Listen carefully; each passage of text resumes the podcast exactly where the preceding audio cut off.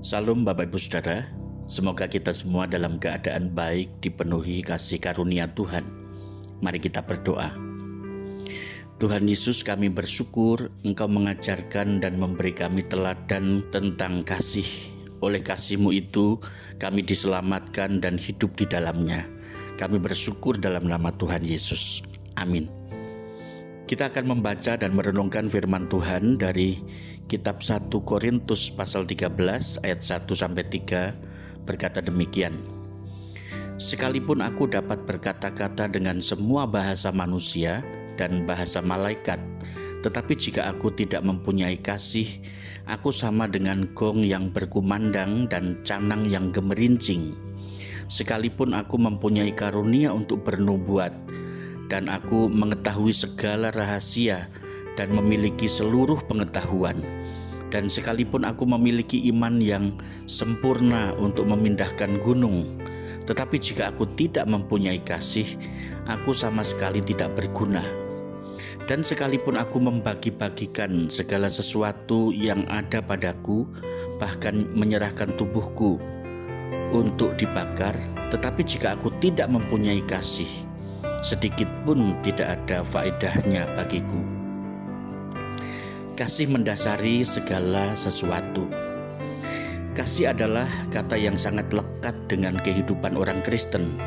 Boleh dibilang untuk mendefinisikan orang Kristen dengan satu kata saja, pasti orang lain akan setuju yaitu kata kasih, bukan saleh, juga bukan dermawan, tetapi kasih. Rasanya tidak berlebihan jika kehidupan orang Kristen diidentikan dengan kasih dan hal itu dipertegas oleh perintah Tuhan sendiri kalau kita membaca Matius 22 ayat 37 sampai 40 mengenai hukum yang pertama dan yang terutama yaitu kasih kepada Allah dan kasih kepada manusia. Ayat yang kita baca menyatakan bahwa kasih adalah segalanya dan bahwa hal lain yang seperti karunia bahasa roh misalnya karunia bernubuat, karunia menerjemahkan bahasa roh dan semua pengetahuan iman yang dapat memindahkan gunung, memberi dan berbagi dengan seorang miskin bahkan rela mati bagi orang lain, semua hal itu menjadi sia-sia jika tidak memiliki kasih. Bukan berarti kasih mengecilkan karunia rohani, tetapi ketiadaan kasih membuat semua karunia rohani menjadi tidak berarti dan tidak bernilai.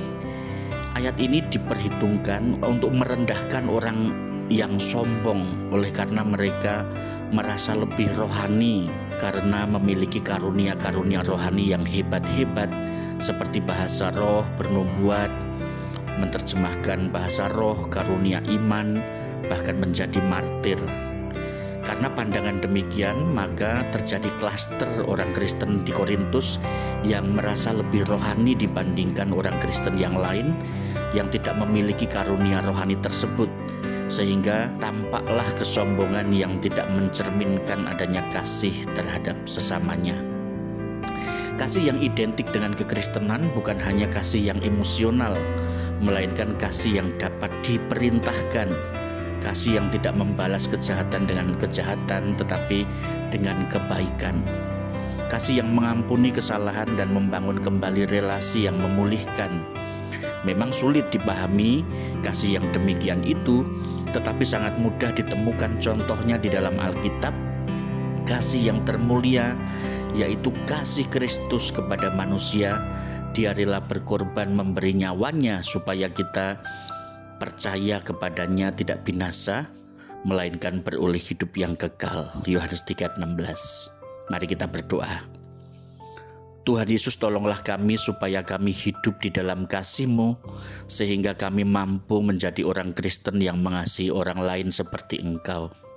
Dalam nama Tuhan Yesus kami memohon. Amin.